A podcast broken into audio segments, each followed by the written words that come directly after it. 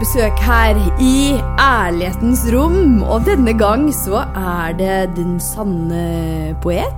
Eh, Hva mer? Jeg vet ikke helt, jeg. Det er mye rart. Det er mye rart. Ja, ja. Sanne Ja. poesien, Fredrik. Ja. Men du er sann. Jeg prøver eh, så godt jeg kan å snakke fra hjertet. Ja. Så Fredrik, fortell litt. Hvem er du? Ja, hvem er jeg? jeg mitt navn også Først og fremst vil jeg bare si tusen takk for at jeg har fått muligheten til å komme hit i dag. Den hyggelige podkasten din. Det er en glede. Hyggelig, hyggelig at du er her, Ja, Fredrik. tusen takk. Eh, jeg er vel først og fremst en uh, kreativ sjel som liker å snakke fra hjertet og uttrykke meg. Uh, møte nye mennesker, lære. Har jo alltid likt det å være kreativ, det å skape noe. Um, og det har vært sin vei. Eh, alt fra musikk til nå å være foredrag, podkast. Og så får vi se hva, hva det fører til. Det ene fører jo til det andre. Så jeg tror bare at uh, ja, de siste årene ved å følge hjertet mitt og gjøre det jeg føler er riktig, så har jeg fått som resultat av det å treffe riktige mennesker, og nye muligheter har dukket opp. Så det er en glede. Men hvem jeg er, jeg veit jo egentlig ikke helt. Det er en energi da, som flyter rundt i et univers og koser meg og liker å le og ha det hyggelig. Du koser deg, Jeg Fredrik. koser meg. Og du, had, du hadde en slager her i, i sommer som jeg ikke har nynna på. Den var så bra, den låta. Tusen takk. Hva het den låta igjen? Den het Min vei. Min vei. Jeg finner min vei. Overtenker ikke på det lenger, men jeg tar meg selv i å overtenke litt for mye på det jeg veit. Det er teit, men overtenker ikke på Det er jo det det handler om. Det er jo det jeg også jobber mye med. Eh, ikke sant? Og at folk skal finne sin vei. Ja. Det er ikke alltid like lett. Det er ikke alltid like lett. Men Fredrik, jeg må jo bare si det, fordi at eh, jeg har jo ikke jobba med så mange menn, men det var jo veldig gøy med deg, fordi du bare dukka opp. Oi! Du dukka opp, eh, og du fant meg på Google. Ja. Og det vil jeg bare si til deg som eh, lytter. Har du optimalisert nettsida di så folk kan finne deg på Google? Google? For hvis ikke jeg hadde gjort det, så hadde ikke du kommet inn i min mastermind. For du er en av de få herrene som jeg har vært så heldig å få jobbe med. Så du var i mastermind med bare damer, Ja. og du koste deg jo glugg. Jeg koste meg med damer. Det er hyggelig. Ja, ja. Og det var, sånn, det var så utrolig fint å ha deg med der, Fredrik. Det var veldig hyggelig å være på. Veldig, Lærte veldig masse av deg. Veldig Veldig fint. inspirerende. Å, så bra. Så, så det var litt sånn du kom inn i mitt uh, univers, og det syns jeg også var så morsomt at du bare Ja, der dukka Fredrik opp plutselig, på Zoom. Det var en samtale. Ja, det var en Så var det god energi. Ja, det er akkurat det. det. Og når du kom her i dag, så, så spurte jeg deg ja, hva har du lyst til å snakke om på podkast i dag. Og det som er så gøy med meg og deg, er at vi har ingen plan i dag. Men eh, så dukka det opp noe likevel. Gjorde det. Eh, og det var en setning som du sa her når vi drev og testa litt lyd. Mm. Hva sa du da, Fredrik? Men eh, jeg har sagt mye rart siden jeg kom hit, så jeg vet ikke. Du hjelper meg litt. Livet er hva du gjør det til. Ja. Det var veldig klokt sagt fra deg. Tusen takk. Så hva vil det egentlig si, hvis vi tar utgangspunkt i den setningen, for den syns jeg er god. Den setningen er god. Livet er hva du gjør det til. Mm. Man har jo veldig mye makt selv da, til å skape sin vei. Um, man har veldig mye makt til å Din vei. endre hvordan du ser på ting. Um, og det er jo et valg, men på flere måter så føler jeg at uh, vi også lever i et samfunn hvor det ikke har blitt helt fokusert på. Det å følge sitt hjerte. Um, selv om det jeg føler jo forbedringer. Det er jo mer og mer fokus på det. Så det å kanskje innse det, da, men det er kanskje litt skummelt òg, det å tenke at livet er hva du gjør til, for da er det jo du som har ansvaret. Det er du som sitter med ansvaret, og det er litt skummelt òg. Ja. For det er mye enklere å bare si at nei, jeg er her fordi sånn har jeg vokst opp, og det har jeg blitt fortalt, og det er mye enklere å dytte bort det ansvaret. Men det å ta kontrollen over sitt eget liv og ta de valgene som er riktige for deg, så vil jo ting bli mye bedre, og det er det jo ingen fasit på heller. Ja. Det er det ikke. Jeg, jeg syns det er veldig spennende, fordi mm, eh, akkurat det der med at man har makta til å skape det livet som er øh, akkurat sånn som du gjør det til, da. Det handler veldig mye om hva du sier til deg sjøl, øh, hva slags ord du bruker, eh, og hva slags energi du tar deg sjøl inn i. Eh, og jeg tok meg sjøl inn i eh, Når vi spiller inn denne podkasten, så er det snart jul. Og denne her podkasten kommer i januar, så når du lytter, kjære lytter, så er det januar. Men vi sitter her, og det er snart jul. Og i går så tok jeg meg sjøl i og bare Det er litt mye nå! Ikke sant? Da kjente jeg at nå hadde jeg lyst til å klage litt. Ja. Men så kom det fra mitt indre en eh, øvelse som jeg har fra T. Harv Eker, heter han. Han er en sånn eh, pengemindset-guru som jeg har fulgt litt. Eh, og jeg har lært av han å bare slå meg sjøl i huet og si 'jeg har et tremillioners mindset'. Eh, og nå har jeg begynt å si 'jeg har et timillioners mindset'. Hey. Så det er bare å slå seg sjøl i huet og si det. Men en av de tinga som han er opptatt av, er at eh, det er en øvelse som handler om å, å ikke klage på sju dager. Eh, og når du da går inn i den øvelsen, så innser du jo også hvor mye du egentlig klager. Og det kan bare være sånne små ting. Å, herregud, så glatt det var her i dag, da.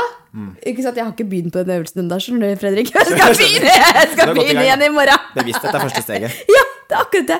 Men jeg skal begynne på den nå, for dette, nå går vi inn i jula. Vi går inn i det å være sammen med familie. Eh, og det er ting som skal ordnes. Så jeg bestemte meg for at nå har jeg lyst til å ta en øvelse igjen.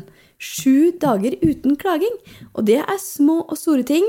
Det kan være alt som har med helse å gjøre, det kan være ytre ting, det kan være relasjoner du har, det kan være kunder, det kan være eh, ting som ikke går helt som planlagt.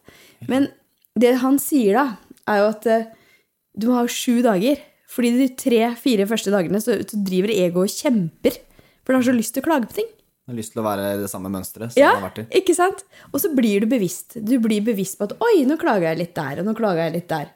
Eh, og det han er så rå på, da, er jo det der med å bare legge bort alt av klaging, for eksempel, da. Og det var noe som dukka opp hos meg nå. Fordi det er jo også Livet er hva du gjør det til. Det er det.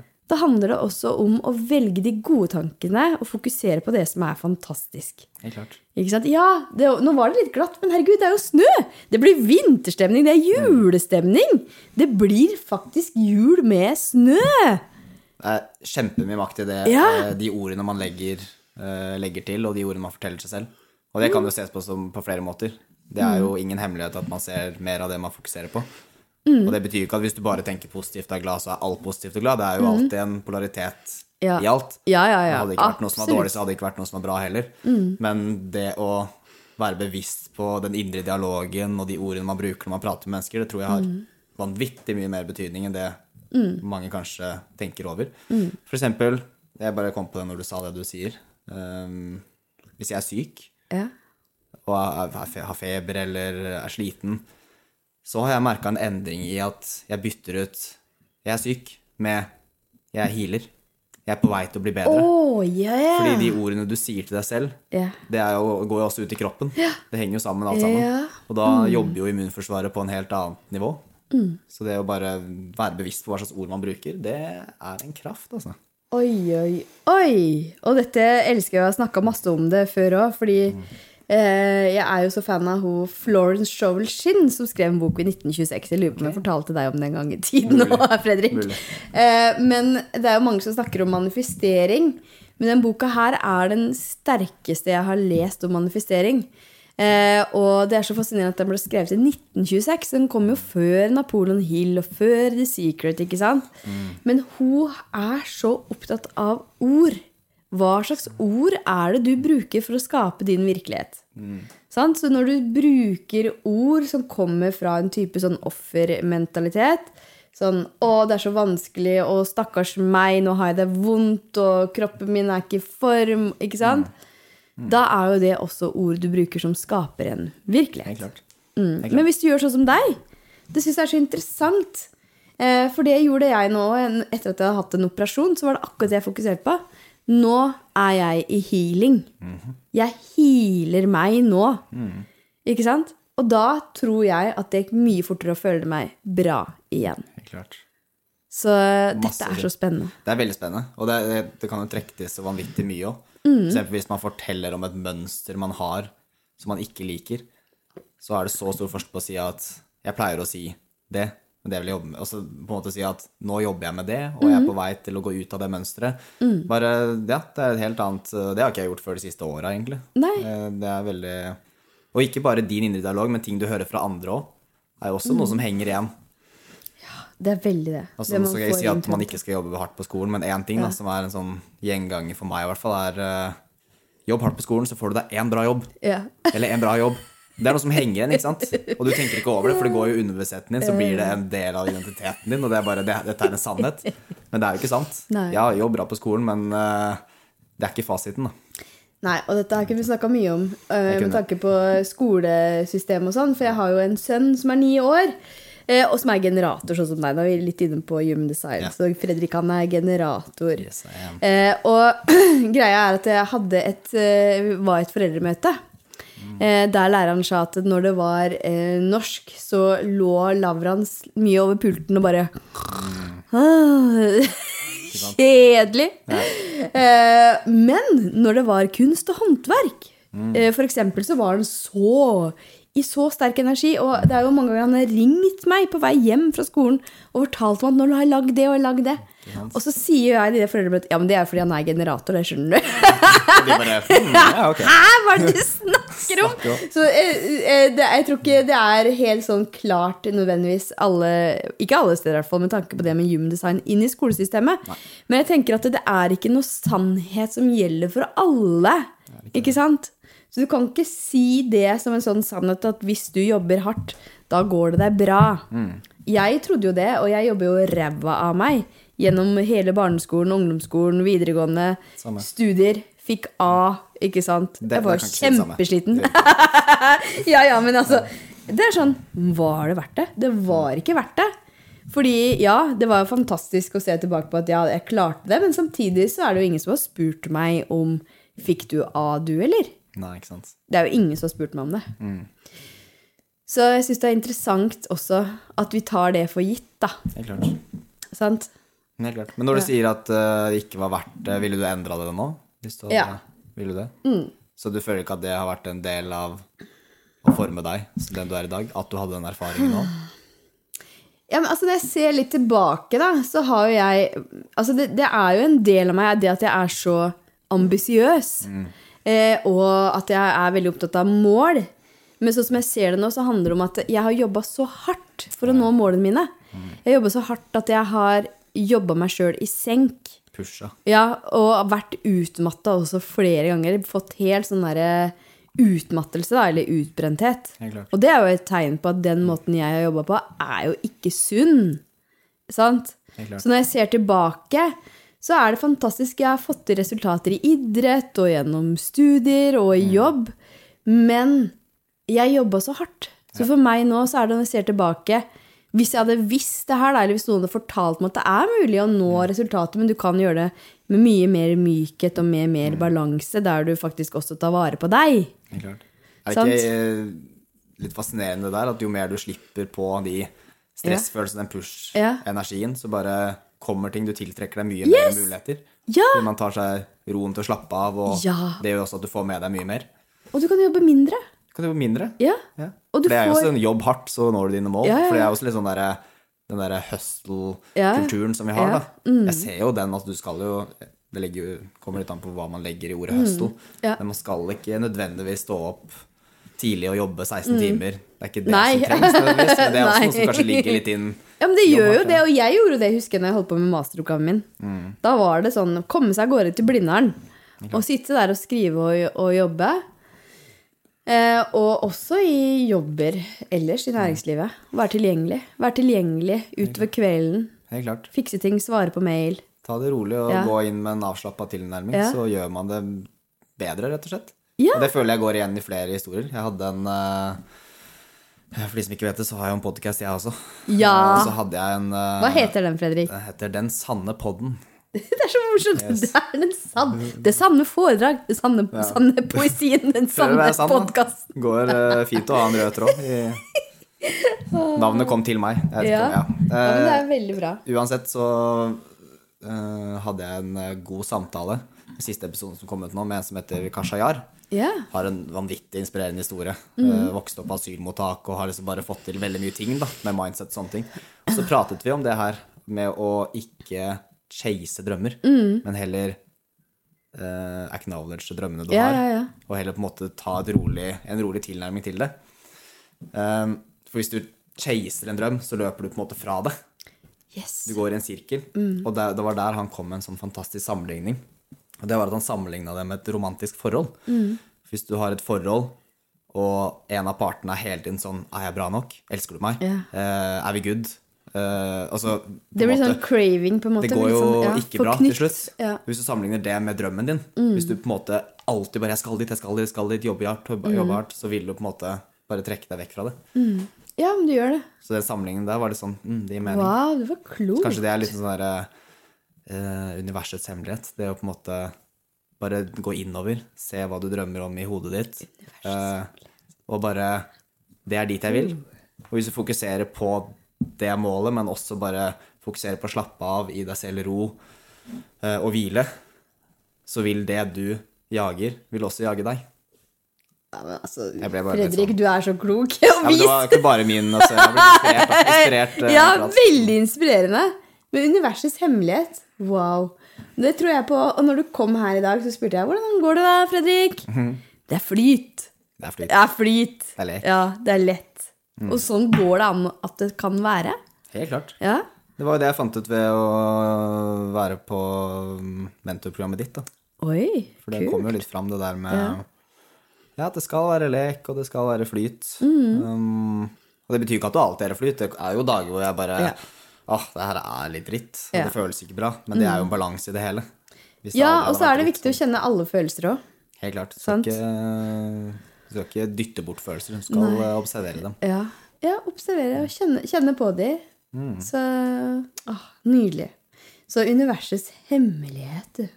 Det er en sånn åpenbaring, det der. Fordi som sagt, at man er vokst opp med en måte å gjøre ting på.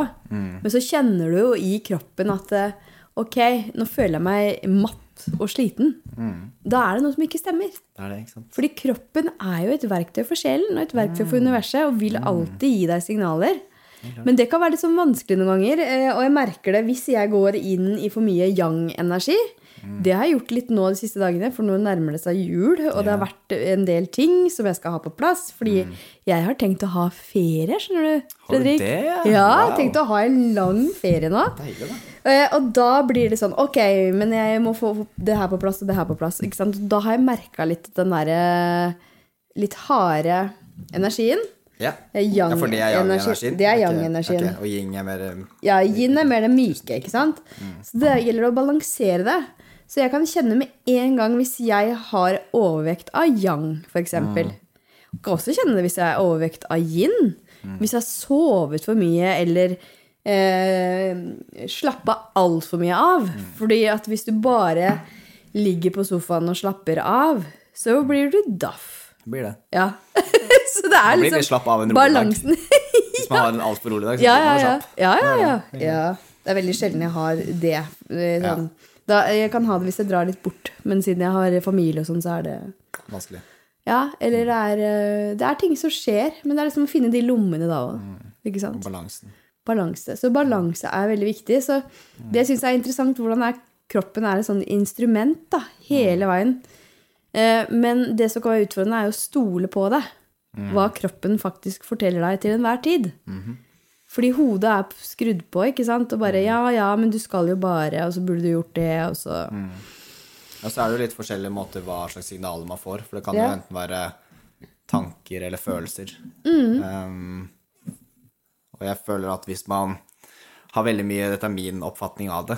Hvis det er veldig mye støy, og jeg Ja. Mm. ikke har meditert på en lang tid, og det bare er mye støy i hodet, så har jeg en oppfatning av at de signalene kroppen sender til deg via tanker, de Mm. blir uh, litt forstyrra. Så du kan på en måte få litt feil signaler. Ja. Så det er så viktig det å rense hodet litt, sånn at de signalene blir klarere. Mm. Men det er jo ganske enkelt. Hvis du føler deg veldig sliten og slapp, så er det jo kroppen som sier nå trenger du å hvile. Ja. Du skal ikke force det. Nei, det er veldig sant. Men livet er hva du gjør det til. Så når du snakker om meditasjon, da, så syns jeg det er liksom verdt å snakke litt om. For eh, det er mange som sier at de skal meditere, men de gjør det ikke. Og meditasjon er for meg en av de viktigste sånn måtene å utvikle bedriften min på. Det er det, ja. Ja, fordi da kan jeg spørre om å få se ting, eller få downloads. Eh, og eh, noen ganger så kommer det jo også downloads uten at jeg har spurt om Ja, det. Eh, så, eh, men liksom, meditasjon er en sånn stor del av hverdagen min. Og det har jo ikke alltid vært det, ikke sant? for jeg har trodd at nei, jeg har ikke tid til å meditere. Men det er jo motsatt. ikke sant? For når jeg tar meg tid til å meditere, så får jeg også prioritert det som er det viktigste. Helt klart. Men hva tenker du rundt det? At folk sier at de skal meditere, men de gjør det ikke. For det handler også om at livet er hva du gjør det til. Helt klart. Um, det er flere tanker jeg har rundt det. Først vil jeg kanskje si tanke til det du sier, for jeg kjenner meg litt igjen. Den derre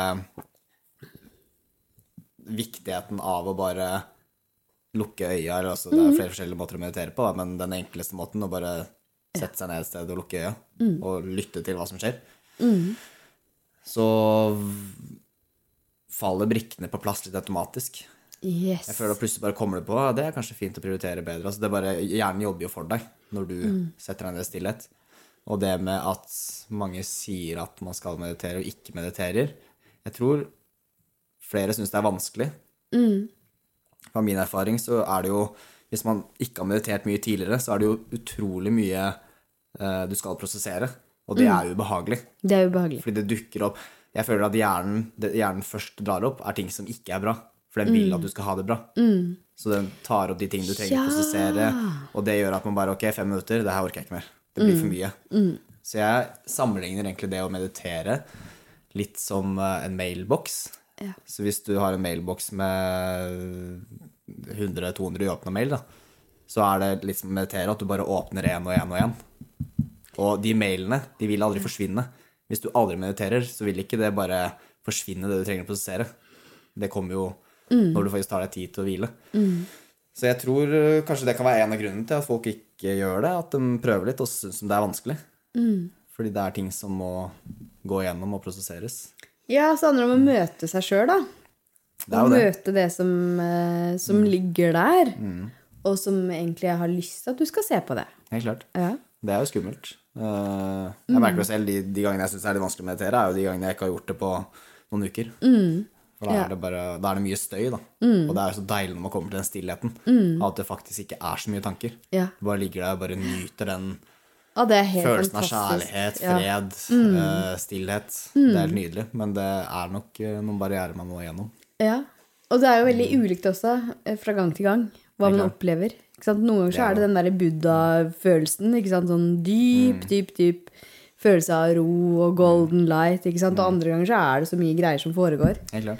Men det du sier med når du stiller deg selv spørsmål, Ja. for det er veldig interessant. Det er ikke noe jeg har gjort så mye før i år. Det året her. Det å innse at du kan stille deg selv spørsmål, og så Ja. kommer det svar.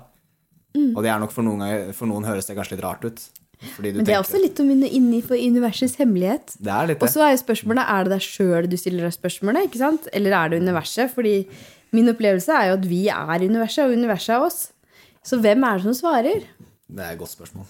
Det syns jeg er så interessant, fordi noen ganger så er det så Det er så tydelig. Det jeg hører deg, eller bare ser det. Ja, og så er det for de som har opplevd den situasjonen, eller det du forteller her, for jeg kjenner meg igjen, er at du, du merker at det er ikke dine tanker. Det er ikke noe du tenker Nei, som svar. nei, nei. nei. Og der ehm, Det her har jeg blitt bevisst på mer og mer etter jeg flytta inn med tre gode venner. mm. jeg bor med nå. Um, for uh, noen av de jobber med det her og stiller seg spørsmål. Og så har jeg blitt stilt vanskelige spørsmål av de for å utfordre meg litt. Så jeg er sånn, nei, det her er et vanskelig spørsmål. Ja, men still deg selv. Spør deg selv. Ta deg Ja, tid. ja. Uh, og det å på en måte trene den muskelen, eller liksom det å bare ha den roen til å stille disse spørsmålene, det er jo et fantastisk verktøy. Ja. Du kan, du kan ja, hva, For eksempel, da. Hva er det beste jeg kan gjøre nå Mm. for min neste steg i den businessen jeg ønsker å starte? Hva er det beste jeg kan gjøre for meg selv akkurat nå? Ja. Og så bare slappe av, og så kommer det bare Ja, det er veldig fascinerende. Og så er det litt sånn i den uh, tai chi og qigongen som jeg holder på med, så mediterer vi jo en del. Og der er det jo sånn at hun som er da mesteren til mesteren. Hun sier jo det at eh, når du skal meditere, så er det viktig at du mediterer minst 30 minutter Ja. hver gang. Fordi når du, eh, da får du faktisk tid til å synke ned. Sant? Så hvis det er liksom fem minutter eller ti minutter, så kommer du ikke så dypt. Så det er noe med å også gi deg sjøl den muligheten til å få svar. Helt klart. Og at du setter på klokka da på en halvtime, at du stoler på at du får svar. Helt klart. En halvtime er faktisk min uh, minstetid. Altså der. Ja, ja, ja. ja. Og, og det er litt sånn uh, Jeg hadde en tanke her om dagen med, for å sammenligne det der. Viktigheten av å faktisk sitte litt lenger enn bare ja. fem minutter eller ti minutter. Altså, det er bedre enn ikke noe. Ja. Så, altså, Absolutt, fem minutter hver dag er mye bedre enn ingenting. Ja, og, og jeg pleier ofte også å innlede coachingen min også med bare fem minutter, bare for å lande litt. Ikke sant? At Men la oss kjenner, ja. si at vi eh, hadde sittet her, da, og skulle vi hatt en fem minutters podkast. Ja. Hvor dybde får du da? Veldig lite. ja. Men sitter du over 30 minutter, så kommer du litt mer i, under skallet. Ja. Og det er det samme som når du mediterer, for du snakker med deg selv. Ja. Det er en dialog med deg selv. Og jeg jo prøvde, apropos sånn eh, når du kom inn i mitt univers, eh, Fredrik, da hadde du meldt deg på en gratissamtale med meg. eh, og jeg hadde en periode da jeg prøvde med sånn 15 minutter. Kartleggingssamtale. eh, men det blei faktisk for lite. For da følte jeg at ikke jeg kom inn til kjernen av den personen. Mens en halvtime, da kan mye skje. Interessant. Så det er litt det samme med prinsippet. da. En halvtime tror jeg er sånn magisk. Eh, tror det, altså. ja, magisk. Og bare også ha noen sånne bolker i kalenderen. Helt klart. Fordi livet er hva du gjør det til, og er da må du faktisk eh, eh, Også som du sa i stad, ta ansvar sjøl. Selv om det er litt sånn brutalt når jeg sier det. ikke sant? Ja, du kan ta ansvar sjøl. Ja, livet er brutalt, da. Livet er Det brutalt, hva det og gjør du men det er kan, brutalt. livet er brutalt. og du Ja. kan ta Det ansvar er ikke for amatører. Nei. For amatører er vi alle sammen. ja, ikke sant? Og Nei, da det er kan du jo ta ansvar for å ha 30 minutter om dagen med meditasjon, Det- istedenfor å sitte og scrolle på Instagram, f.eks. Helt klart. Og det er, eh, det er veldig viktig, fordi Og når man også sier det der eh, livet er hva du gjør det til selv, så er det jo Har jeg i hvert fall opplevd, da. At folk bare Ja, men det var ikke min feil at den personen gjorde det, eller at eh, det dramaet der skjedde. Men så er det litt sånn Stille seg selv spørsmål hvorfor er det det her som tiltrekker meg? Disse situasjonene. Ja. For hvis du mediterer 30 minutter hver dag, da får du en mer avslappa energi, og det vil tiltrekke deg mer avslappa energi. Ja. Fordi energi tiltrekker like energier. Så er det jo det å kontrollere hva slags energi du ønsker å bære. Går du rundt Ja. og er stressa og jager, så vil du tiltrekke deg stressende mennesker. Og har du mye sinne i deg, så vil du tiltrekke deg sinna mennesker. Det er jo Er veldig enkelt. e- egentlig ganske enkelt. Det var litt uh, vanskeligere i praksis, Ja. kanskje. Ja, ja, ja. Men, um, Ja, men det merker man jo. og Det var jo sånn som du sa i stad òg. Sånn, nå, er det- nå er det et halvt år siden jeg så deg, Fredrik. Ja. Eh, og så trakk jeg et kort her ja. på deg eh, her du satt. Eh, og du fikk Slangen Mm. fra Kari Oppsal sin Sjelens speil. Og det handler jo om transformasjon. Virkelig å lytte til ditt Mm. indre. Og, og også det kreative. For du ser jo her er det en sånn malepensel, og du er jo veldig kreativ. ja. Så jeg syns det kortet traff så bra, fordi du sa at eh, ok, det er så mye som har skjedd det siste halve året, og det føler jeg òg. Det er. Det er helt utrolig. Jeg fikk frysninger jeg, når du leste om det kortet. Ja. Når det traff på kornet. Ja, ja, ja. Det er morsomt med endringer, da. Mm. Det er jo mm, skummelt noen ganger, men det var alternativet. Mm. Å stå på samme sted, det er jo mye verre enn å Så du, eh, du har jo en sånn utstråling, ikke sant, og en sånn Du er den du er. Du er i flyt, du har en ro, du har en utstråling. Og så har det også kommet folk inn i livet ditt Ja. som dukker opp. Mm. Ikke sant? Og det var litt sånn, du spurte meg ja, hva er liksom som har skjedd siden sist som er viktig, og da sa jeg ja, samarbeid. Mer samarbeid. Mm. Eh, og de folka som har kommet inn i livet mitt, noen av de kjente jeg jo knapt for et halvt Mm. år siden. Og nå er vi jo så close. Følger med deg. Ja. Det er akkurat som du har kjent hverandre hele livet. Ja. Veldig rart. Så det er sånn sjele, sjelemøter. Ja, det er eh, energier som matcher. Blir Mm. en synergi, og så Men det er, det er veldig interessant. Er, jeg har jo barndomsvenner som jeg er veldig glad i. Eh, og nå har jeg truffet folk i år som jeg føler er like nærme som de. Ja. Fordi det bare er en sånn Jeg vet ikke. Man blir en så stor del av hverandre. Da. Mm. Hva det kommer av, det har jeg ikke reflektert så mye over. Det må ha med universets hemmelighet å gjøre. Det kan hende det har noe med universets hemmeligheter ja, Det Kan hende. jeg tror det. Kanskje tidligere liv. Altså, jeg vet ikke. Ja. ja. Det er mye vi ikke vet, men det er jo Det er mye vi ikke vet, men så kan man jo Ja, man kjenner jo inni seg Apropos, du er den sanne poesien, eh, og du er så sann. Og det handler om ok, din sannhet trenger nødvendigvis ikke være min sannhet, men du kjenner jo inni deg hva som er sant for deg. Helt klart. Ikke sant? Det er viktig. Ja. Så er det, ja, det er nydelig å møte folk på veien og du nevnte det med samarbeid. Syns det var litt veldig morsomt at Som jeg spurte, jeg spurte hva den største endringen din har vært Ja. i det siste halvåret. Og da beskrev du egentlig det mine ord òg. Altså det er det samme. Viktigheten av å gjøre ting du syns er gøy med andre mennesker. Mm. For det blir mer effektivt, det blir eh, mye mer morsomt, og ting går fortere. Ja, og så forsterker du. Ja, og så forsterker du også det resultatet kundene får, da. Ja, Eh, for. For de får eh, for eksempel sånn mastermind som jeg holder med Marit, som du også kjenner. Så er det sånn, ok, da får du Marit sine perspektiv, og så får du mine perspektiv. ikke sant? Og samme med Bliss-akademiet, som jeg holder med den gjengen der. Fire ulike tilnærminger. Det var helt fantastisk. Ja, Så var det veldig god opplevelse med deg og Marit i samarbeid. Ja. Det fløyt jo mye mer.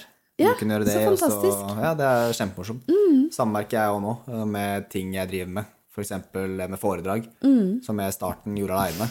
Men nå har jeg gått i et samarbeid med en som heter Anne Marte, Ja. som eh, er spesialist i nevroutviklingsforstyrrelser. Oi! Og dette starta faktisk med en podcast-episode. For jeg Ja. syntes den var så interessant på sosiale medier. Å, herregud, det er så jeg gøy. inviterte henne til Ja. en episode, og vi ble sittende i noen timer, mange timer og prate. Ja. Og så etter episoden var det sånn, vi må jo samarbeide. ja. Fordi hun har liksom Hun har eh, sin faglige kompetanse. Mm. eh, masse utdanning, jobba i PPT i over 15 år, men driver nå selv. Mm. Ja. Og hjelper lærere og foreldre og folk med ADHD å forstå Mm. dette med ADHD og utfordringer på skolen, da, spesifikt. Og så er det jeg, som var en Mm. bølle på skolen. Jeg, altså, jeg var jo, gjorde masse tull og fulgte ikke med og var, Mm. ja, var en sånn eh, Hva heter det?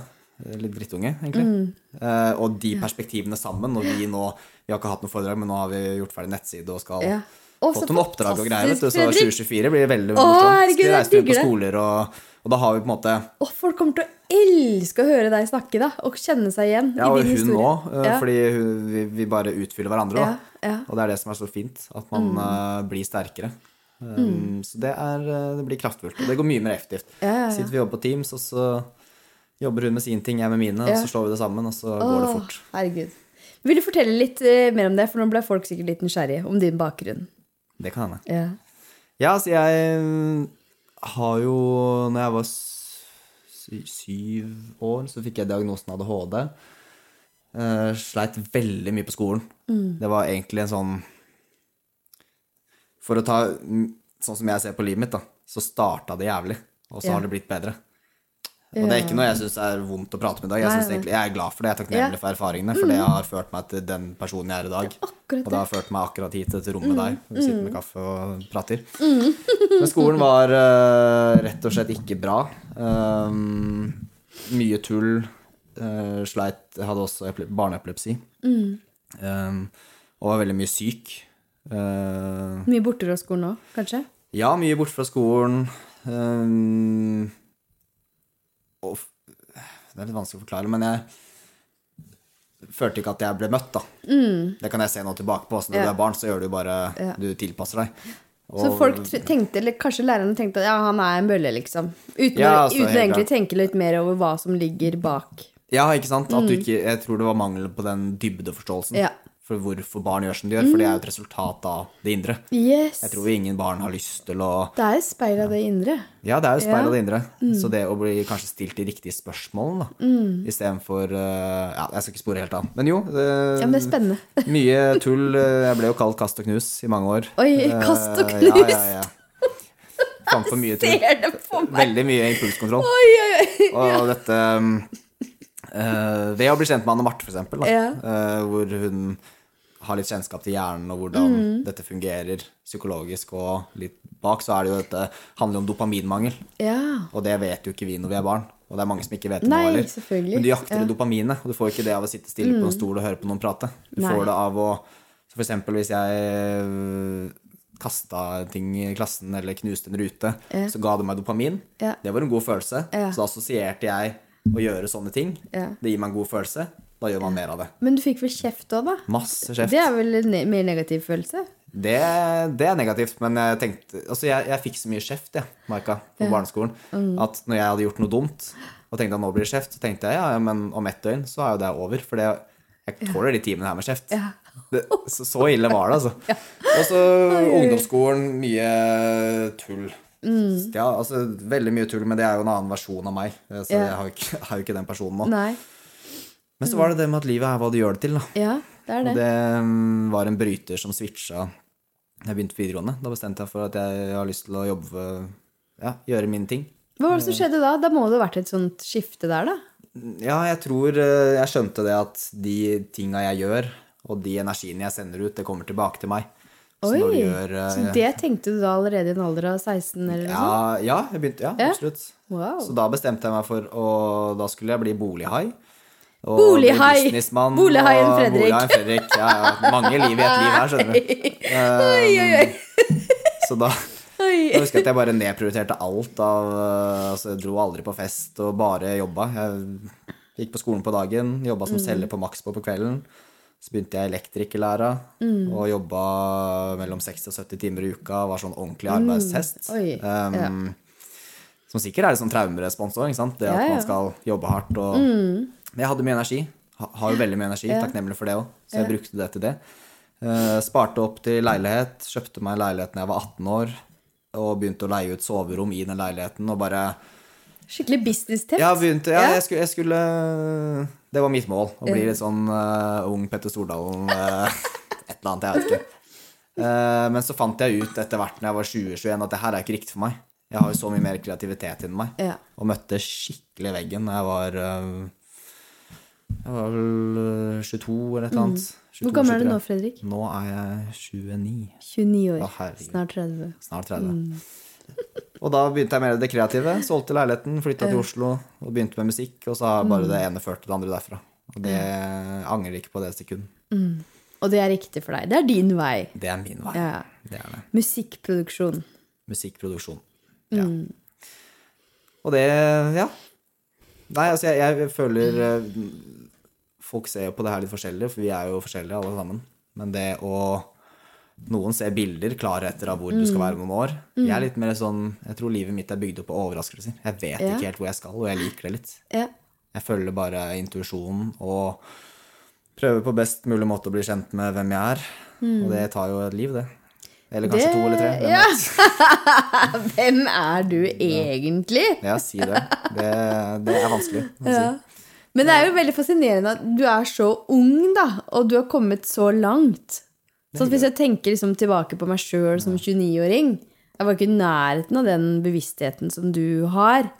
Eh, og forståelsen av det spirituelle og hvem du er i verden. ikke sant? Da var jeg bare helt oh, ikke sant? Jeg skulle eh, ut og være, få en ordentlig, skikkelig bra jobb i næringslivet. Ikke sant? Var helt sånn her eh, hodestyrt og ja, jobba og jobba, jobba. Når var det det skjedde for deg, ja? Det skiftet? Hvor du bare tenkte at det her er jo ikke riktig vei for meg? Ja, altså, fordi jeg jo starta med meditasjon når jeg var like gammel som deg, faktisk. 30. Da ble jeg veldig dratt mot Jeg hadde også vært nysgjerrig på buddhismen før, men da begynte jeg å studere tibetansk buddhisme. Oh, ja, Jeg ble veldig dratt mot det. Det er spennende. Ja, Så da gikk jeg på kurs hos en lama og en nonne og var plutselig på sånn silent retreat ute i skogen. Der jeg måtte holde kjeft. Eh, og bare Eh, Men det var veldig fascinerende å bare sitte der og At det var en gjeng som var i stillhet over flere dager. Eh, og liksom det å sitte og spise i stillhet. Det var en sånn ny opplevelse. Så jeg begynte å meditere veldig sånn aktivt da når jeg var rundt 30.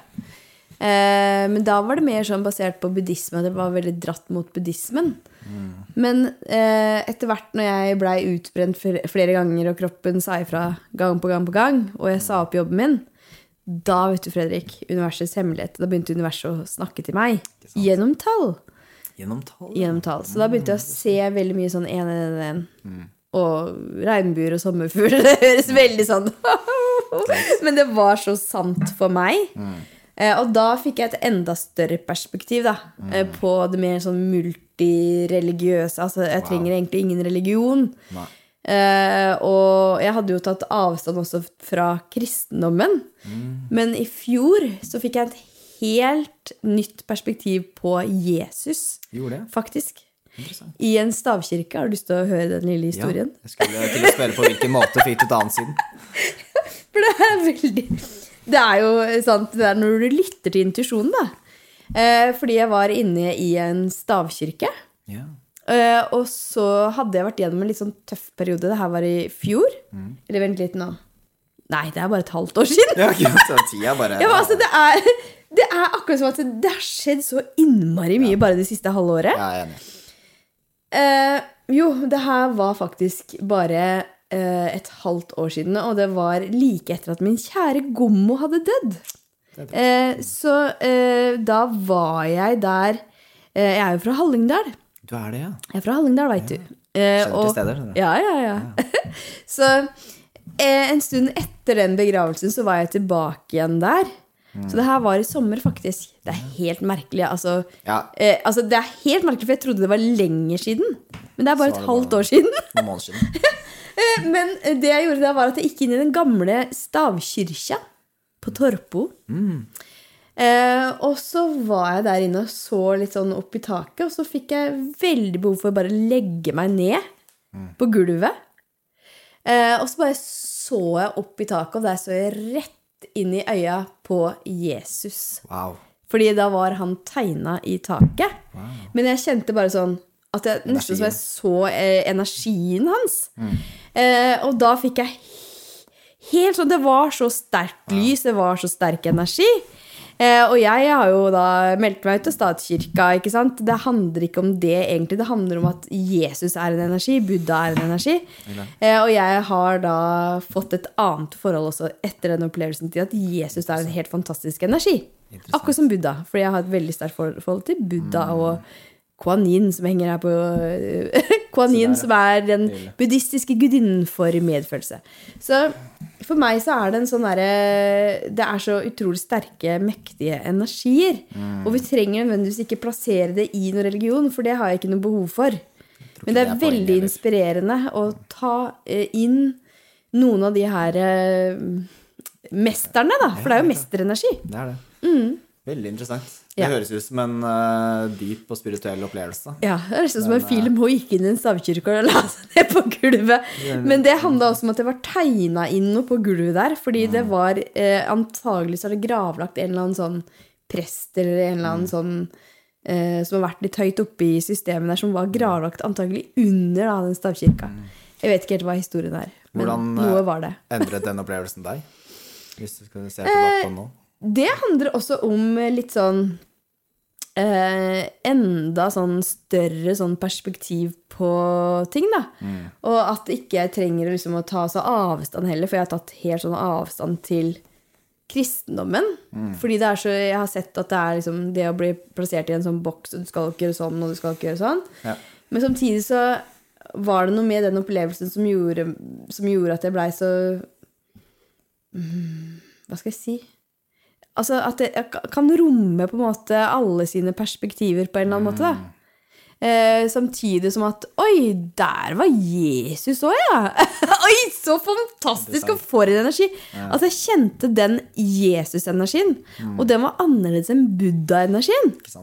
At det er en sånn gjeng, da. Det er sånne ting man ikke kan forklare Wow! med ord eller. Nei, jeg klarer ikke helt en, å eh, forklare det. Og, men det handler også mer, mer sånn respekt også for at det er ulike syn på ting, men også den derre tryggheten i at wow, her er det mesterenergier. Ikke sant? Jeg ser på Buddha som en stor mester og Jesus som en stor mester, og de har ulike ting å tilføre. Vet du hvor jeg var for eh, fire uker siden, eller? Nei. Da sto jeg rett ved siden av The Big Buddha i Phuket i Thailand. Oi! Ja. Wow! Var energi. Hvordan kjente du det? Nei, jeg, jeg, altså energien var uh, eh, Var jo litt annerledes, for vi, eh, jeg, jeg blir invitert. Og nå går vi litt tilbake til den derre Ok, nå er ADHD-en min, ADHD min begynner å fungere, for nå er det Ja. fem tanker som skal inn på en gang.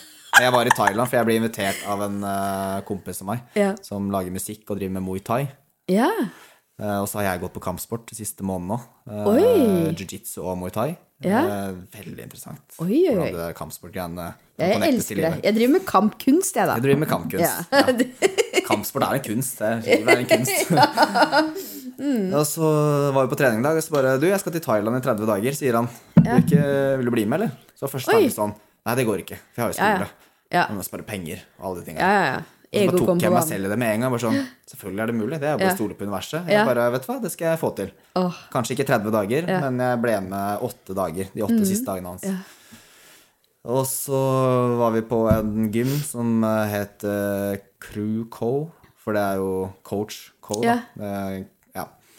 Og så ble vi enige om noen av de som jobber på gym, å ta en sånn, det er noe som heter The Big Buddha Run. Hvor du løper fra flaten der og opp. Det er 4,2 Mm. Km. Har du vært der, forresten? Nei, nei, jeg har ikke vært der. Åh, bare gled deg. Ja. Bare gled deg! Har har du sett bildet av den? Ja, ja, ja. Ja, ja, ja. det er ja. gigantisk, ja. ikke sant? Jeg har sett det. Så da var det jeg og en som heter Osama fra um, Hvor er det han var fra? Um, Jordan. Ja. Som løp opp mens eh, kompisen min Torgrim filma da, med scooter. Mm. Han kjørte opp og filma. Så løp vi opp. Det var, det var en sånn mental test, for jeg trodde ikke det skulle være mulig. Mm. Jeg var bestemt for at det går. Ja. Fordi du har alltid mer å hente når kroppen sier Ja, ja, men 4,5 km oppoverbakker. Ja, det, det var brutalt. Når vi kommer opp dit, så bare endorfiner og dopamin og så, så alt bare utløser Ja. kroppen. Og så gikk vi og så på den buddhaen. Det var bare en sånn fantastisk opplevelse. Jeg følte at det var eh, Ja, det var en god energi der oppe. Også litt med løpinga å gjøre òg. Så jeg syns buddhisme Det er veldig dopamin, fint. da. Det er dopamin. Ja, Nei, så det, var en, eh, det er dopamin. Så Ja. trengte jeg ikke å knuse noen ruter eller være bøllete. Det er det å finne riktige måter å hente Ja, det er det. Ja. Så det, er- det er en veldig fin ting. Så det er interessant at du sa det med Hallingdal òg, for jeg Mm. har jo brukt mye tid i Ål i Hallingdal. Det er jo Ål jeg er fra, vet du. Det er Ål du er Ja, fra. ja, ja. Hytta- er Barndomshytta mi var eh, i Ål. Hvor er den, da? Oppe i Level? Uh, skibakken i Ål. Ja, ja, ja. Vi Det- kunne gå ut av døra, så kom vi rett i ja, ja, bakken. ja. Så Det er jo sånn- like ved der også vi har hytte. Er det det? Ja. Mm, så vi har vært masse oppi den bakken der. Interessant. Interessant. Så, og det er jo den eh, Ja, det er der jeg har stått Telemark, vet du, opp gjennom tiden. Det er vel morsomt. Kanskje vi har vært der samtidig, Fredrik. Det kan godt hende. Antagelig så har vi det. Ja, for jeg føler en veldig god kjemi. Det er Ja. jo som om vi har Ja, ja, ja. Vi har også helt sikkert hengt ut det før i tiden. Det kan godt hende. Kanskje jeg var din mentor? Ja, ja det var du helt sikkert! veldig morsomt. Måtte bare teste det livet her. Ja, ja, ja. Nei. Nei, men det er morsomt med sånne dype opplevelser, og det kommer litt av I hvert fall av mine erfaringer med dype opplevelser, som er litt sånn Du kan ikke forklare Mm. det med ord, da. Det kommer av Det kommer litt sånn når du minst venter det. Ja, og jeg tenker liksom Ja, og jeg tenker liksom hvis du er litt sånn åpen, da. Sånn eh, for at hva som helst kan skje. Sånn som når jeg var inne i den stavkirka. Mm. Så det var jo andre folk der, og det er jo litt rart å legge seg ned på gulvet. Mm. Men jeg bare følte at det skulle jeg. For jeg skulle ha den opplevelsen av å se Jesus inn i øya. Helt klart. Ikke sant? Og det var helt spesielt. Jeg får litt sånn følelse av trær noen ganger når jeg går i skogen. Mm. Ja. Så er det noe med sånn det treet der. Vil at jeg skal klatre opp i det treet. Eller eh, det var et eller annet Ja. som bare gir meg beskjed. ja. Klatre opp i det Ja, treet. Så Og da gjør du det. Da gjør jeg det. Ja. Sitter der, og så kommer det alltid en sånn download på et eller annet. Sånn der, Sitter du oppi treet, Fredrik, da? jeg sitter oppi trær. Jeg, Det er så herlig. Men det er lenge siden nå, da. Så når jeg kom hit på Nesoddtangen og var litt tidlig ute, så sto det skilt Nesoddparken. Ja. Og så var det en sti. Jeg tenkte ja, jeg skal gå inn der. Og det var veldig, veldig fint. ja, der er det veldig fint. Så det er jo det å lytte til intensjonene, da, selv om det virker rart. ikke sant? Det har ikke noe å si. Det er jo mange som tenker at nei, men det er litt rart hvis jeg gjør det, og det er litt rart hvis jeg gjør det, men samme det. Hvis det føles riktig, så er det riktig. Så lenge du ikke skader noen når du dytter andre ned, så gjør akkurat hva du vil. Ja. Spør du meg. Ja. ja, men det er herlig. Og så bare, også, også bare følge din vei, da. Og den veien blir jo til mens du går, fordi du følger intuisjonen din. Ikke sant? Ja. Jeg tror det er veldig mange som venter tenker jeg har lyst til å gå dit, men det er så skummelt, for jeg ser ikke hele veien. Men når du starter å gå, så kommer veien Mm. Ja, ja, ja. Og så har du den støtten, og jeg tror det også var litt sånn Det var litt spesielt med den opplevelsen av Jesus, siden jeg eh, hadde da mista min kjære Gommo bare et par uker i forveien. Eh, og eh, en sånn opplevelse av at ja, ja, uansett hva som skjer, så har du enorm støtte. Eh, og det er jo liksom den der store forskjellen, da, med, som du snakker om, flyt. Det å være i tillit. At du kan stole på noe som er mye større enn deg òg. At det er utrolig mektige, gode energier. Så det syns jeg er så fascinerende. Ja, tillit og, også det å akseptere at universet kan jobbe for deg òg, Mm. og med deg. Ja. Hvis du ikke aksepterer det, så blir det veldig vanskelig. Det blir en sånn sperrende energi. ja. Så hvordan kan man akseptere det, da? Jeg tror Jeg tror eh, det er flere måter. Det er vel ikke en fasit på det. Men det er vel den tilliten, da. Det å ha tillit til yeah. det. Og tro på det òg. For det er jo det du tror på, som gjør at altså, det, det endrer jo verden rundt deg. Ja. Jeg tenker jo at det du ser, det du opplever, er jo på flere måter en refleksjon av din indre verden. ja, men det er det. Så hvis du bare ser eh, altså, jeg, jeg, jeg føler vi lever i en verden eller et univers som har alt. Det er alltid en polaritet, og er, du har alt. Du har ondt, godt, Ja. mørkt, lyst. Um, så det handler jo ikke om ignoranse eller lukke øya, men hvis du bare ser dritt rundt deg, hvis du bare eh, møter på dårlige mennesker, mm. og liksom alt er feil, og du peker ut, så er det jo noe inni deg som du må gjøre noe med. Ja, faktisk. Og det er veldig klisjé å si eh, det der eh, det starter med personen i speilet, men det er jo så sant. Ja. Og du det må man jo akseptere og anerkjenne da, for å komme seg videre. Ikke sant? Så aksept er jo mange ting. Det, det betyr jo ikke at Jeg tror noen, eller kanskje mange, har en oppfatning av at aksept bare er sånn Jeg bare aksepterer at ting skjer. Og ja, du skal gjøre det, men det er ikke sånn at hvis du ikke har det bra Det er ikke bare å akseptere det. Det er ikke Nei. det det handler om. Det er det å finne din riktige vei, og så akseptere at du kan skape ditt liv. Akseptere at nå kan du ta det rolig. Ja. Ja. Åh, det er spennende. Veldig interessant. Og det minner meg på det Marit ofte sier til meg på yeah. kveldene, hvis vi snakker sammen på kvelder, eller bare sender hverandre en melding på kvelden. Så sier hun ja, ja, Maika, nå jobber universet for oss mens vi sover. God natt! ja, det er fint. Det er veldig fint. det er veldig fint! Det er også form for aksept. Nå, nå kom Ja. jeg på en bedre forklaring Ja. på det, egentlig, siden du spurte meg. Ja, så bra, jeg tar Fredrik. fra en egen erfaring. Så er det noe jeg har jobbet med det siste, er å akseptere flyt. Oi, akseptere flyt. Ja. At hvis jeg eneste jeg trenger å fokusere på, er å huske Mm. å puste rolig, puste med magen, eh, ta meg den hvilen kroppen sier at jeg trenger, Mm. og ikke stresse. Ja. Og av en av merkelige grunn så har jeg opplevd det siste at når jeg går mye saktere, jeg går mye roligere, eh, så bare blir alltid grønn mann når jeg går over veien. ja, ja. Eh, bussen kommer akkurat når jeg står på bussplassen, selv om jeg er litt forsinka, men jeg gadd ikke å løpe. Jeg gadd ikke å løpe til toget, selv om jeg så det sto der. Jeg rakk det ikke, men det endte med at jeg traff en kjempehyggelig person. Dette er jo sant. Um, men her om dagen satt jeg og spiste med en venn av meg hjemme, og så ser jeg at uh, oi, bussen går om ti minutter, og jeg begynte å stresse. Eh, og da aksepterer jeg Da har jeg ikke akseptert det av stress. Du trenger ikke stress. Altså, nå snakker jeg om usunn stress, da. Stress er jo en Du trenger ikke stress. Ofte Nei, du er trenger fantastisk. Mm. ikke unødvendig stress. Men jeg begynte å stresse. Ja, ja. eh, og det endte med at jeg var på bussplassen når bussen skulle komme, men den bussen kom ikke. Så jeg måtte stå 20 Mm. minutter. Oi. Og der, og der aksepterte ikke jeg den nye, den nye tilstedeværelsen og den nye, nye tiden da, Ja, som ja, jeg går inn i. Fordi jeg bestemte meg for at jeg skal ikke trenge å stresse. Mm. Så når jeg ikke aksepterte det, og da endte det med at jeg sto der. Ja. Du, dette er så spennende. Og jeg, jeg hadde en liten sånn tilsvarende opplevelse, fordi jeg var på Aker Brygge. Eh, ja, det her, er, det her er faktisk noen uker siden. Nå går tida helt sånn i surr. Ja. Men altså, det er noen uker siden, tror jeg. Men da hadde jeg tatt båten over, eh, og eh, jeg hadde en avtale i byen. Men jeg hadde litt tid før den avtalen, så jeg bare gikk rolig da. Fra Aker Brygge opp mot Nationaltheatret. Gikk kjemperolig med mine Uggs, for jeg liker å være varm på føttene. Deilig. Og så kommer det da en kvinne som løper forbi meg på høye hæler, med veska liksom flagrende, og, og liksom bare Løpe, løpe, løpe, løpe! Her skal vi rekke noe. Og så bare fikk jeg sånn glimt av meg sjøl. Ikke sant? Dette er meg for noen år siden. Kald på beina. Sant? Stress, Du blir ganske kald på beina når du går opp i kalde, eh, høye hæler. Jeg opplevde det samme. Ja. Ja. ja! Men nå valgte jeg faktisk, selv om det er altså Jeg liker også å gå med høye hæler innimellom. Men nå er det mer sånn Jeg vil være, heller være varm på føttene enn å løpe rundt i de høye hælene. Helt klart. Men det var så interessant at ok, her kunne jeg faktisk tillate meg å bare gå veldig, veldig sakte. Selv om det var en tirsdag klokka ti. Ikke sant? Og så så jeg Oi! Det her var jo sånn jeg levde før. Interessant. Ja. Det var så kontraster, da. At det liksom Oi, det trodde jeg var min sannhet da.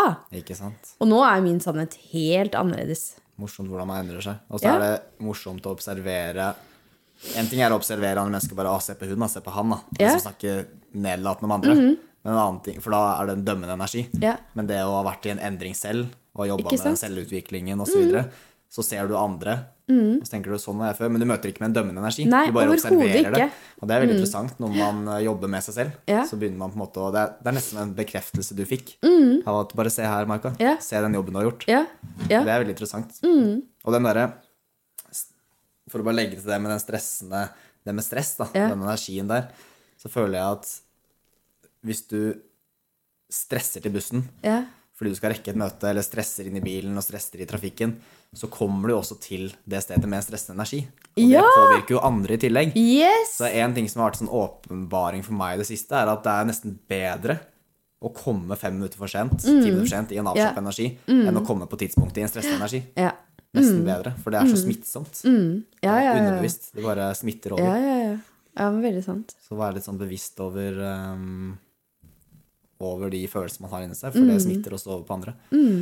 Og det kan snus om. Du kan Mm. Ja. også føle deg stressa plutselig. Du kan gå ut i byen, på et Ja. Mm. kjøpesenter eller på gata, og så bare Oi, nå merker jeg litt sånn angst i brystet. Ja. Merker litt stress. Det trenger ikke være din. Nei. Det kan være andres. Ja, ja, ja. Så det å ikke alltid måtte identifisere seg med alle følelser som dukker opp, eller tanker, for det er jo ikke deg. Det er jo du som observerer. Jeg var jo på um, På Black Friday, og av det det, alle ting. Jeg var i Trondheim. På et sånt Trondheim Torv, eller hva det heter. Jeg husker ikke hva det heter, men et stort sånn kjøpesenter der. Det var helt forferdelig. Eh, og det var fordi de her gutta mine hadde lyst til å bare se litt og hadde litt lommepenger og sånn. Men det var altså helt Altså, jeg ble helt sånn derre oh, kokt. Ja. Så mye folk. Folk går bananas for å kjøpe pysjamas som er skrudd ned liksom eh, 50 eh, Som også kanskje ble skrudd opp litt noen uker før. ja, Ikke sant? Så liksom hvordan folk bare holder på, da ble jeg bare stående der og bare Oh my god. Men jeg kjente hele kroppen min var sånn Jeg måtte virkelig jobbe med meg sjøl for å være i det, for jeg syns det var helt sånn derre tappende. Hvordan Mm. er din uh, Hvordan føler du din mestring rundt det å sette et skjold på din energi i forhold til andres Ja. Mm. energi? Er det noe du føler du mestrer, eller er det noe du syns er vanskelig? Fordi jeg Ja. vet at du er en åpen person. Ja, ja, ja. Jeg er veldig, jeg er veldig sensitiv og åpen, så jeg syns jo det er litt sånn utfordrende, for eksempel sånn så- jeg- så Jeg har jo barn som liker å gå på fornøyelsesparker, for eksempel. Eh, og det å være i Legoland eller sånne store fornøyelsesparker, det, det, jeg liker det ikke. Altså, systemet mitt har ikke lyst. Så uansett om jeg putter noen krystaller i BH-en, eller jeg, jeg står og, og jorder meg ned Ja. eh, så kan jeg kjenne at dette her er liksom ikke noe jeg i mitt system har lyst til. Det kan jeg kjenne. Så, men eh, jeg er jo litt sånn at ok, jeg kan stå liksom og jorde meg litt. Gjøre litt sånn jordingsøvelser når jeg er i sånne situasjoner. Uh, men jeg har jo ikke så innmari lyst til å være i det, men så gjør jeg det også for barna mine. ikke sant? Så det er jo noe med også, hvis man skal gjøre sånne ting, være på et kjøpesenter hvis du har barn som absolutt må oppleve Black Friday, eller hvis du eh, har barn som har lyst til å dra på eh, Aquadome eller Legoland, ikke sant? så gjør du det for barna dine, eller du gjør det kanskje sant, for vennen din, eller hvem det nå er. Men da er det liksom innstillingen din, da. Ikke sant? At ok, jeg kan gjøre litt jordingsøvelser, og jeg vet at dette er én dag, og jeg gjør det nå fordi da Det betyr noe for de, og da betyr det også noe for meg. Det er fint. Men hadde det bare vært meg, så hadde jeg jo selvfølgelig aldri gjort det. Ikke sant? Nei, jeg kjenner meg igjen. Ikke det ja. jeg har jo ingen barn, da, så jeg Nei, nei. kjenner meg igjen i det, men det å Ja, det er utfordrende å ha en uh, åpen kanal. Ja, ja, ja. Ja, ja. Fordelen er at du kan være veldig kreativ, og sånne ting Ja. men det gjør det også veldig åpent for andres energier. Så det tror jeg også er en treningssak, det å jobbe med å bare lukke skjoldet. ja, ja absolutt. Og der igjen, da, med tanke på det med samarbeid, Ja. eh, som kan poengtere viktigheten med samarbeid. For Mm. har du kanskje opplevd at du har gått med en god venn på et kjøpesenter. Ja. Da er det lettere å måte være i en sone. For Ja, da står deres energi deres Yes! sammen, og det skaper et ekstra skål. Ja, ja, ja. ja. Så da, da blir jeg ikke sliten hvis jeg går med en jeg har god kjemi med. Hvis jeg går alene, så merker jeg at det er mye vanskeligere. Ja, ja, ja. Det er interessant. Veldig interessant. Så det er litt sånn uh, Ja. Mm. Kan det sammenlignes litt. Ja, absolutt. Og så tenker jeg også at uh, det der med å riste ut energier og sånn, det gjør jeg jo mye. Eller at uh, jeg bare renser alltid med vann. Hvis jeg f.eks. har vært på festival, da. Sånn at jeg liker jo å gå på Øyafestivalen, f.eks. Ja. Elsker musikk. Men da er det sånn første jeg gjør når jeg kommer hjem, er å dusje. Ja, Ja. At det, liksom, det er akkurat som at kroppen min bare vil dusje. det er interessant. Ja, at eh, Å, bare rense med vann, rense med vann. Og så bare være helt sånn rense, og så gå og legge seg. Ja, for det har jeg gjort noen ganger, det der å dusje av seg dagen.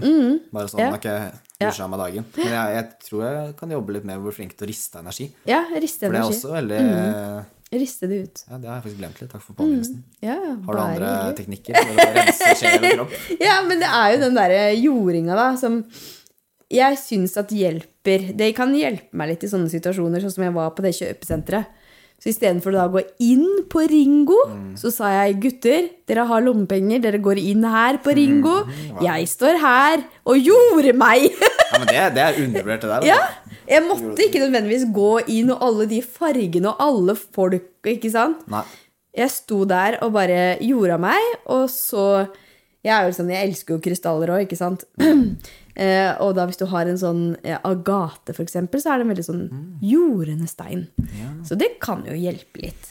Og så hjelper det veldig mye med hva du tenker rundt situasjonen, føler jeg da. At det liksom Ja, nå gjør jeg det her for de, og det er én dag. Og det tåler man. Også. Det tåler man. ja, det er ja. også mye å si. For Hvis du bare forteller at dette her er bare helt grusomt, og stakkars meg som må stå her og vente, og nå er jeg så gåen, og ikke sant, så er det liksom en helt annen energi i det. Er det det det blir, da. Ja, da er det det det Det blir. si. Ja. Ja, det med jording er ganske viktig.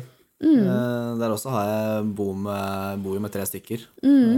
og to av de er veldig sånn De leser energier mm. på et helt annet nivå enn jeg noen gang har opplevd tidligere. Wow. Så de, så de du trenger ikke å si noe. Altså, hvis jeg ikke lytter ordentlig, så merker de det på energien. Bare hørte hva jeg sa nå? Ja. Det pleier ikke andre å merke til. Jeg går, jeg bare mm, Ja, ja, ikke sant. Ja. Så bare nei, sorry. Jeg.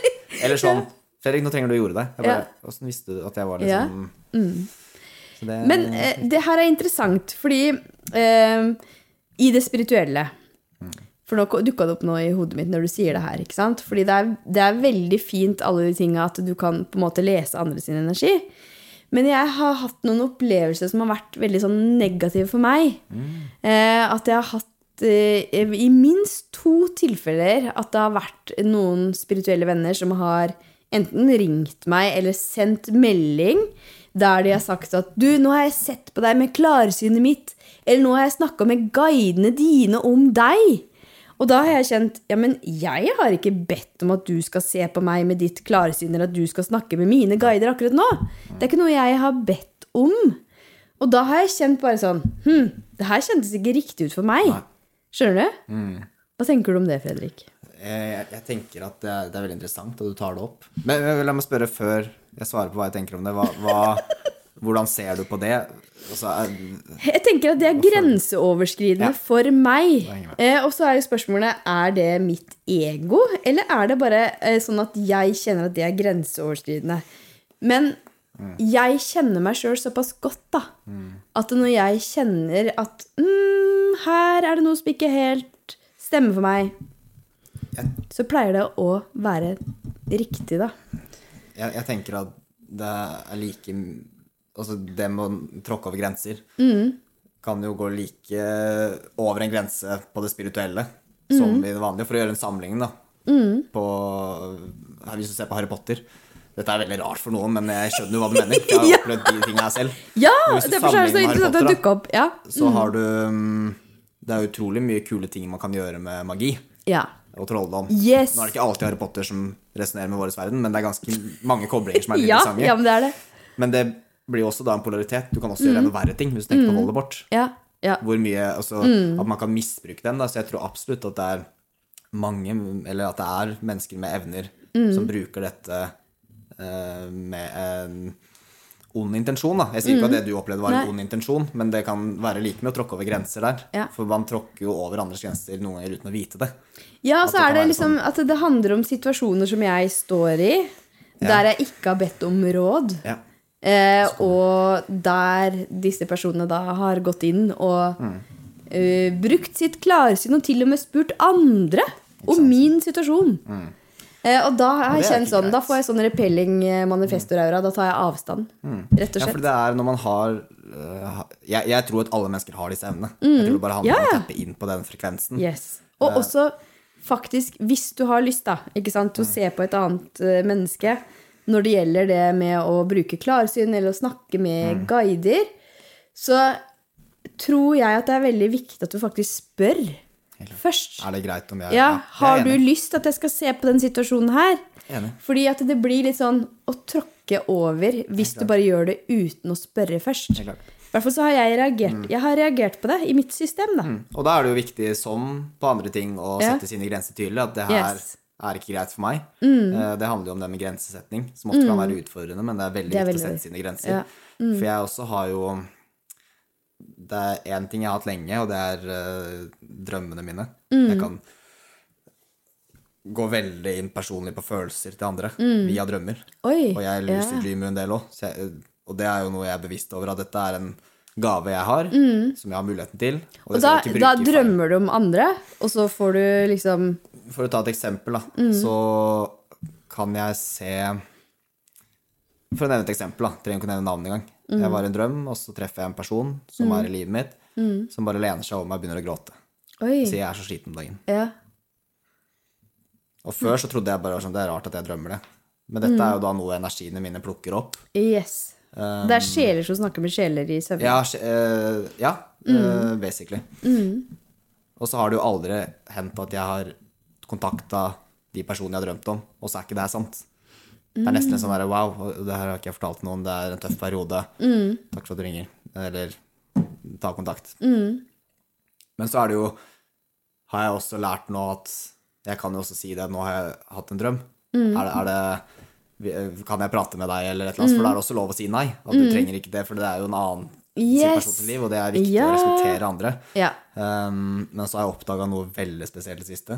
Det har jeg egentlig ikke delt med så mange annet enn mine nærmeste. Og det er at når jeg ligger i senga uh, Ok, jeg skal, hvordan skal jeg fortelle det her? Altså, jeg, jeg, jeg lå Hvis jeg har det veldig stille i hodet mitt, da, så kan jeg høre andre stemmer. Mm. dette har ikke kommet nå før det siste, og jeg hører det som om det er i rommet. Yeah. Um, og så hadde jeg en opplevelse hvor jeg bare hørte en person Er det her hjelperne dine som snakker? Eh, Nei, det er stemmen til den personen Oi! Ja. som bare Fredrik. Ja. Og så hører jeg bare navnet. ja. Og da veit jeg at den personen har behov for min energi. Yes. Og da har jeg kontakta den personen. Og så er det bare sånn Jeg, jeg spurte ikke om hjelp, men det er helt vanvittig, for akkurat nå så Ja. var det en veldig vanskelig situasjon. Og så har jeg prata med dem, og så har det resultert i at det har hjulpet. Så det er telepatisk. Det er telepatisk. Og det er, det er fantastisk. Og, og, og, og da er du veldig åpen, Fredrik. ikke sant? Men det, det jeg syns er fint, er jo at du faktisk da spør. Ja. Ikke sant? Og det er der den der forskjellen ligger da, for meg. For jeg kan like det at folk spør. Du, Maika, har du lyst til å Har du lyst til at jeg tuner meg litt inn på energien din? Så kan vi se litt på den situasjonen her. Mm. Det er noe helt annet enn å plutselig få en lang lydmelding. ja, for det er jo veldig privat, da. Det er veldig det er, privat. Og det, det merker jeg at hvis jeg er i en kontroll i mine drømmer, Mm. så har ikke jeg noen interesse av å bare Ok, nå tapper jeg inn på en person, for jeg er bare nysgjerrig. For det er som å grave, det er som å gå inn på en PC, nesten. Og Mm. Ja, bare lese. Du vil ikke det. gjøre det. Nei. Og jeg har jo en tro Det er Mm. ikke derfor jeg ikke gjør det, men jeg har også en tro at jeg fortjener ikke den hvis jeg gjør det. Og da Mm. vil den svekkes. Det, det er bare en sånn tanke jeg har, og den føler jeg at kan holdes der. Fordi det, man skal ikke. Ja. Og det handler om respekt også, ikke sant? Gjør det. Respekt er jo en sånn verdi som er viktig. Og så er det for, å gå enda litt dypere, da. Mm. Det med å reise ut av sin egen kropp. Ja. Det er en egen podkast! Er det en egen Ja! podcast? Ja. Jeg holder på med akkurat det her nå. Ja. Eh, så det er et nytt nivå i meditasjon, rett og slett. Det er det. Så det det her er veldig fascinerende at du nevner, for det har vært et stort tema for meg nå de siste ukene. Det har det. Ja.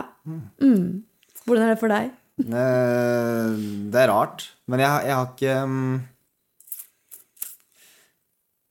Jeg har ikke utforska så Jeg har ikke kommet så langt vekk før jeg kommer tilbake til kroppen.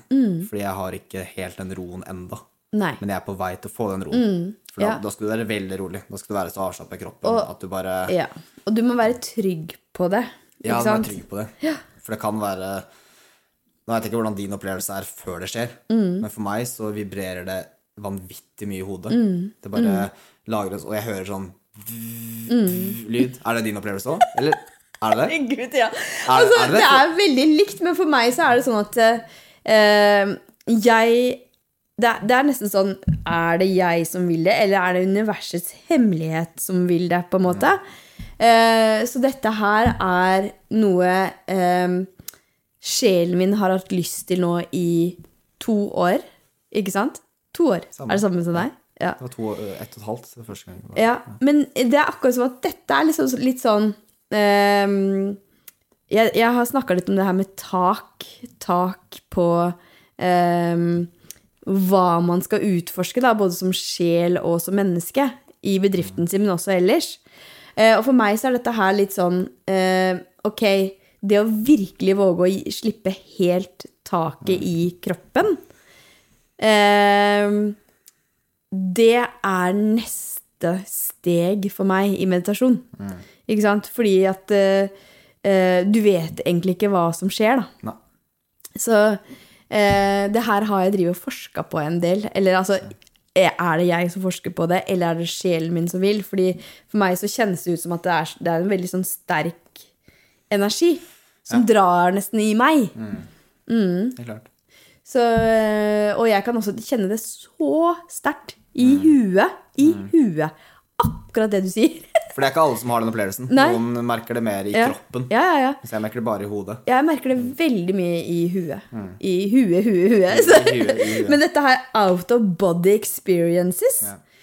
Det er kanskje et eget tema, rett og slett. Det er det. Ja, fordi øh, hva er det egentlig som skjer da? Det kan godt hende at det her, når jeg har forska mer på det, øh, at det er noe jeg skal snakke mer om. Men nå er jeg midt i det. Og det er litt sånn Når jeg er midt i det, så har jeg lyst til å forske litt mer på det før jeg deler. Den ser jeg. Ja. Mm. Jeg uh, backer den. Ja. Ja. Kan vi veldig ta en ny episode? ja, herregud, Fredrik. Det tror jeg veldig mange syns er interessant å høre. Mm. Ja. Men du verden, du verden. Det var spennende å snakke med deg. I like måte. Ja. Og det er akkurat som at det er mange flere ting jeg har lyst til å snakke med deg I om. like måte. Ja. Eh, men nå har vi jo eh, Nå nå, nå må du faktisk gå, Nå Fredrik. gå, ja. det, Nå, nå er tiden ute. Ja, vi sikkert klart å prate et par timer til. Men vet du hva? eh, Det her er kunne blitt en tretimers episode. Ja, For det er liksom det ene temaet tar det andre. Så jeg tror nok du må komme tilbake, Fredrik. Så Ja, kanskje vi kan ha en episode om eh, ut av kroppen-opplevelser. Ja. Kanskje det er det vi skal snakke om neste gang. Kanskje Så du som lytter, hvis du kjenner at dette skapte litt nysgjerrighet hos deg, det vi snakker om helt opp på slutten, så bare send oss en melding. Og så, Fredrik, fortell. Hvor er det folk kan finne deg? De kan høre på sangene dine på Spotify. I hvert fall den ene har jeg hørt på mange ganger. Mm. Eh, og så Du sitter og skriver også, du. Du skriver dikt. Skriver masse. Og du har jo også gitt ut en bok som jeg har hjemme. Ja, du har også gitt ut en Ja, bok som jeg har hjemme. ja, veldig koselig! veldig. Står i bokhyllene. Din, ja. Ja. Eh, Folk kan finne meg på Instagram Mm. under Den sanne poesien. Eller Den sanne podden, som også er tilgjengelig på Spotify og Apple Podcasts. Eh, Folk kan finne meg Ja, det er vel egentlig der. Det er Facebook og Ja. Og send en Mm. melding hvis det er noe. Nå er det jo Dette kan vi også snakke mer om senere, for dette er under arbeid. Men eh, jeg har jo lagt ut flere sanger tidligere. Jeg la ut min første låt som Den sanne poesien nå i år. Og nå har jeg gått til et nytt samarbeid når det gjelder musikk. Oi. Så låter vil nok mest sannsynlig komme via et annet navn.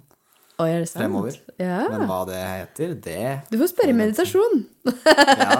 Nei, Jeg veit hva det Å heter. ja, du vet, ja! Oi, oi, oi. Vi vet hva det heter. Ja, men det er litt Men, eh, hemmelig. Det kommer masse Ja. bra. Så Oi. det blir spennende. Det gjør det. Herlig, herlig. Ok, Fredrik. Tusen takk for at du tok turen hit. Tusen takk for at du fikk Ja. Det var veldig fint å ha deg her i ærlighetens rom. Veldig fint. Takk, Martha, for den gode energien vår. Tusen takk, Fredrik.